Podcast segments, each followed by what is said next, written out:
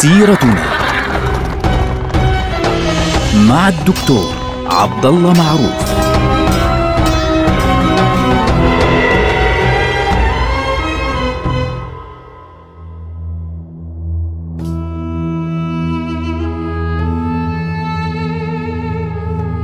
السلام عليكم ورحمة الله وبركاته. سيرتنا سيرة هذه الأمة العظيمة ونحن الآن في عهد الدولة العثمانية وتحديدا في عهد السلطان مراد الثاني اللي هو طبعا على فكرة والد السلطان محمد الفاتح يعني ها على وشك أن نقترب إلى مرحلة السلطان محمد الفاتح. بعد أن أعاد السلطان مراد الثاني تثبيت أركان هذه الدولة في داخل منطقة الأناضول توجه إلى القسطنطينية وتوجه إلى آه، الأراضي التي يسيطر عليها البيزنطيون وهذا الأمر يعني أدى إلى ارتباك كبير في أوروبا لأن الدولة العثمانية استعادت نشاطها على يد السلطان مراد الثاني ووالده من قبل اللي هو السلطان محمد جلبي. أثناء تحرك السلطان آه، مراد الثاني في عدة مناطق آه، في اللي هي حوالين اليونان سالونيك وحواليها آه، في ضد الدولة البيزنطية توفي الإمبراطور مانويل الثاني وخلفه ولي عهده الإمبراطور البيزنطي يوحنا الثامن. هذا الشخص يوحنا الثامن على فكرة كانت عنده مشكلة عويصة مع الدولة العثمانية. كان يرفض رفضا قاطعا أن يقف مع الدولة العثمانية أو أن يخضع للسلطان العثماني تماما. فهذا طبعا كان قبل أن يستلم الحكم لكن مع استلامه للحكم عمل العكس تماما. تنازل العثمانيين عن القلاع اللي على شواطئ البحر الأسود رملي آه، مناطق آه، دفع الجزية. كل هذه الأراضي أعطاها للسلطان العثماني. وهذا الأمر جعل أخوه آه، شقيق الإمبراطور هذا اللي هو أندرونيكوس في منطقة سالونيك يعني جعله يفهم إنه لن يستطيع أن يقف في وجه العثمانيين فسلم المدينة اللي هي مدينة سالونيك. لمن؟ مش للعثمانيين لأهل البندقية.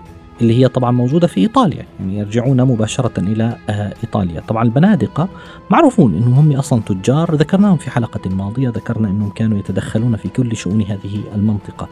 مراد الثاني بعد أن وصله الخبر بأنه البنادقة استلموا هذه المنطقة اللي هي سالونيك آه، خاف منهم ولأنه هذول أعداء ألداء بالنسبة له وجهز جيشا ليفتح سالونيك وحاصر سالونيك. وطبعا هذا الأمر سيؤدي إلى يعني تفاقم الأوضاع سوءا في البندقية، وصلت العروض تتابعا واحدة تلو الأخرى إلى السلطان. مراد الثاني إنه خلاص يا عمي يعني هذه المدينة تنازل عنها إلى آخره نسلمك كذا. ابدا ابدا ابدا. فبت لأنه هذه المنطقة منطقة سالونيك في اليونان منطقة مهمة جدا للدولة العثمانية، منطقة استراتيجية خطيرة عموما يعني عموما. ف آه، اللي خفف فعليا من وجود آه، العثمانيين وضغطهم على منطقة سالونيك أنه نشبت آه، مشكلة أيضا بين العثمانيين وبين الهنغاريين اللي حوالين صربيا. في منطقة صربيا وبدأ صراع شديد بين السلطان مراد الثاني من ناحية وبين الصرب.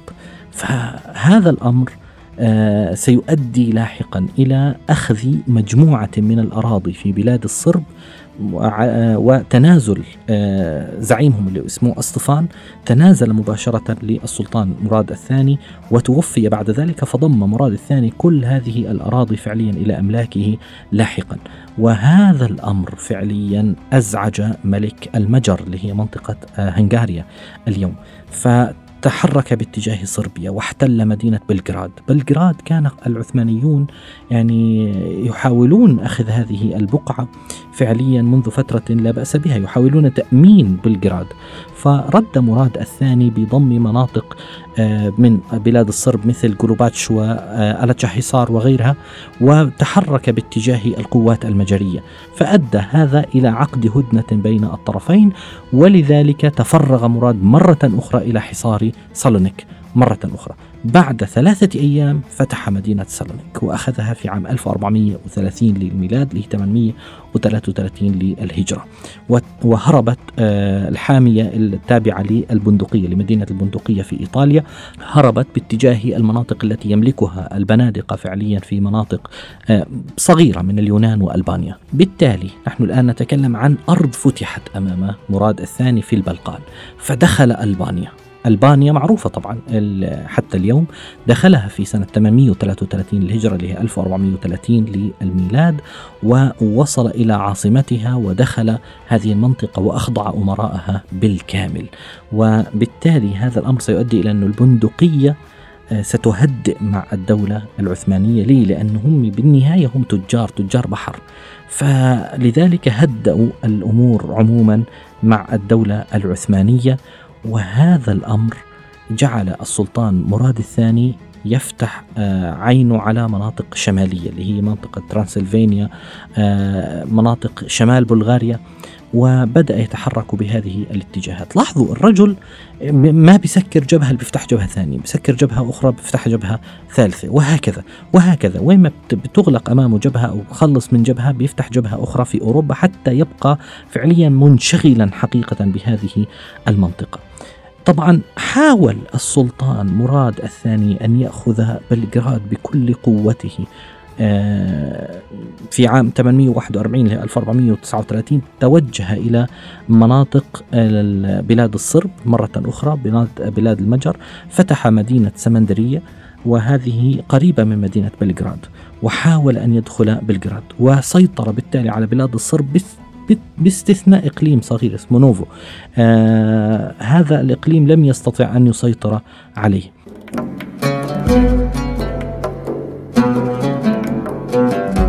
بعد أن توفي ملك المجر ملك منطقة المجر استغل السلطان مراد الثاني هذه الفرصة وهاجم العاصمة مدينة بلغراد اللي هي الأهم منطقة فعليا للمجريين وضرب عليها الحصار لكنه فشل أمامها لم يتمكن من فتحها فرفع الحصار وتوجه إلى مناطق أخرى قريبة منها ثم عاد إلى الدولة العثمانية.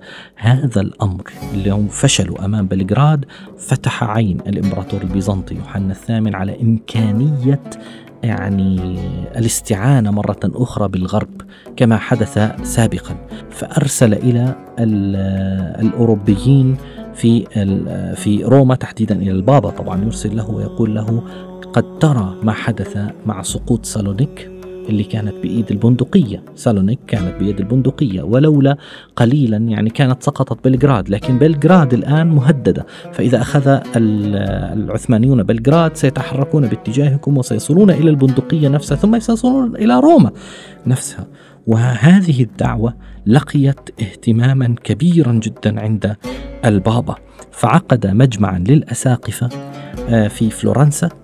وتحرك البابا اللي هو اسمه في ذلك الوقت يوجينوس الرابع تحرك لإعلان حرب صليبية ضد الدولة العثمانية.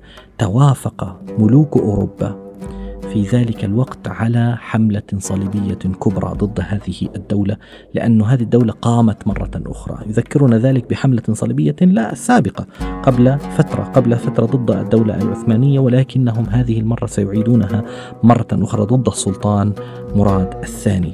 هذا البابا لما دعا هؤلاء الملوك الملوك الأوروبيين استجاب له ألفونسو الخامس ملك أراغون ونابولي. واستجاب له آه، لاديسلاس اللي هو ملك آه، المجر وبولندا لاديسلاس الثاني ويوحنا هنيادي حاكم ترانسلفانيا وانضم إليها قوات من ألمانيا ومن قوات ومن فرنسا ومن البوشناق ومن آه، التشيك ومن غيرهم وتحركوا في حملة سميت هذه الحملة الحملة الطويلة. وأرسل معهم البابا آه، مندوبا عنه في ذلك الوقت ليعطيهم دفعة معنوية أنه والله موجودين معنا. وغادرت هذه الحملة من بودابست باتجاه الدولة العثمانية. وتمكنت من أن تنتصر على الدولة العثمانية أول مرة في عند مدينة هيرمنشتاد واضطر العثمانيون إلى أن يتراجعوا خلف نهر الدنوب. بعد أن علم السلطان مراد الثاني بما حدث أرسل جيشا آخر كبيرا. يعني كان في ذلك الوقت يذكر بعض الروايات تذكر بعض الروايات 80 ألف جندي. كان ذلك بقيادة رجل اسمه شهاب الدين باشا. آه، اصطدم بالجيش الصليبي عند بلدة اسمها وزعج لكنه هزم مرة أخرى. وقائد الجيش شهاب الدين باشا أسر. هذا الأمر طبعا كان صعبا على الدولة العثمانية، مراد الثاني الآن خسر معركتين كبيرتين ضد حملة صليبية، هذه الحملة الصليبية الآن ستصبح طبعا يعني عندها أمل كبير بتدمير الدولة العثمانية تماما، وبالتالي استغل الأوروبيون هذا الانتصار الثاني وجمعوا جيشا كبيرا جدا. قاده يوحنا هونيداي اللي هو حاكم ترانسلفانيا ومعه الملك لاديسلاس الثاني اللي هو ملك المجر وبولندا واجتمع معهما مجموعة من الأمراء وغيرهم وتحركوا في شهر شوال من عام 846 للهجرة الموافق للشهر 2 1443 للميلاد واجتازوا نهر الدنب والتقوا بالدولة العثمانية بالجيش العثماني بقيادة السلطان نفسه. مراد الثاني قرب منطقة اسمها نيش قرب منطقة نيش. فهزم مراد الثاني هناك. كانت هزيمة كبيرة. وبالتالي تحرك الجيش هذه المرة الجيش الأوروبي وعبر جبال البلقان وهزم مرة أخرى العثمانيين. لاحظوا أربع هزائم متتالية قرب منطقة آه، يلوفاز قريبة على صوفيا على فكرة. وبدأت الدولة العثمانية تتهاوى في أوروبا. وتحرك هذا الرجل كان على وشك أن يوصل أدرنة. صارت مفتوحة الطريق الأدرنة لكنه توقف.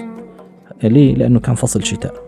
وبعضهم بيقول إنه ممكن يكون خاف ومش عارف لكنه على الأرجح إنه بسبب الشتاء لأنه عادة في الشتاء لا يتقاتل لا تتقاتل الجيوش فهذه المعركة معركة نيش وما قبلها وما بعدها خاصة معركة نيش أدت إلى آه إنه مراد الثاني يضطر إلى إنه يتراجع شوي ويوقع اتفاقية يهدأ يعني يحاول أن يهدئ الأمور ويعرض الصلح على القوى الأوروبية وأعطاهم شروطا مغرية جدا.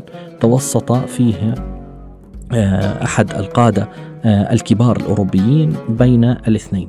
فهذا الاتفاق كان قد وقع في 24 صفر عام 848 للهجرة اللي هو 12 6 1444 للميلاد. وفيها أن صربيا والبوسنة تنفصل عن الدولة العثمانية ويتنازل مراد الثاني عن بلاد الأفلاق ويعيد مناطق آه، مثل سمندريا وألجح حصار يعيدها إلى الصرب.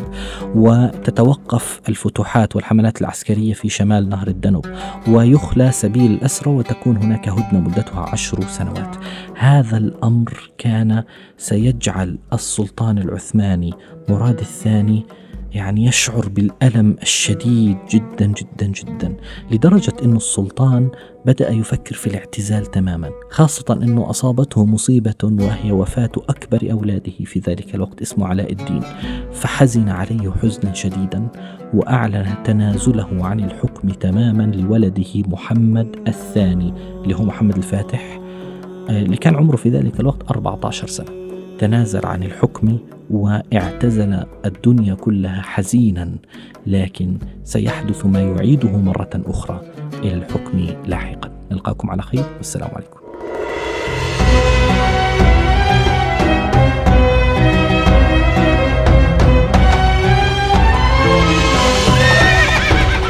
سيرتنا مع الدكتور عبد الله معروف.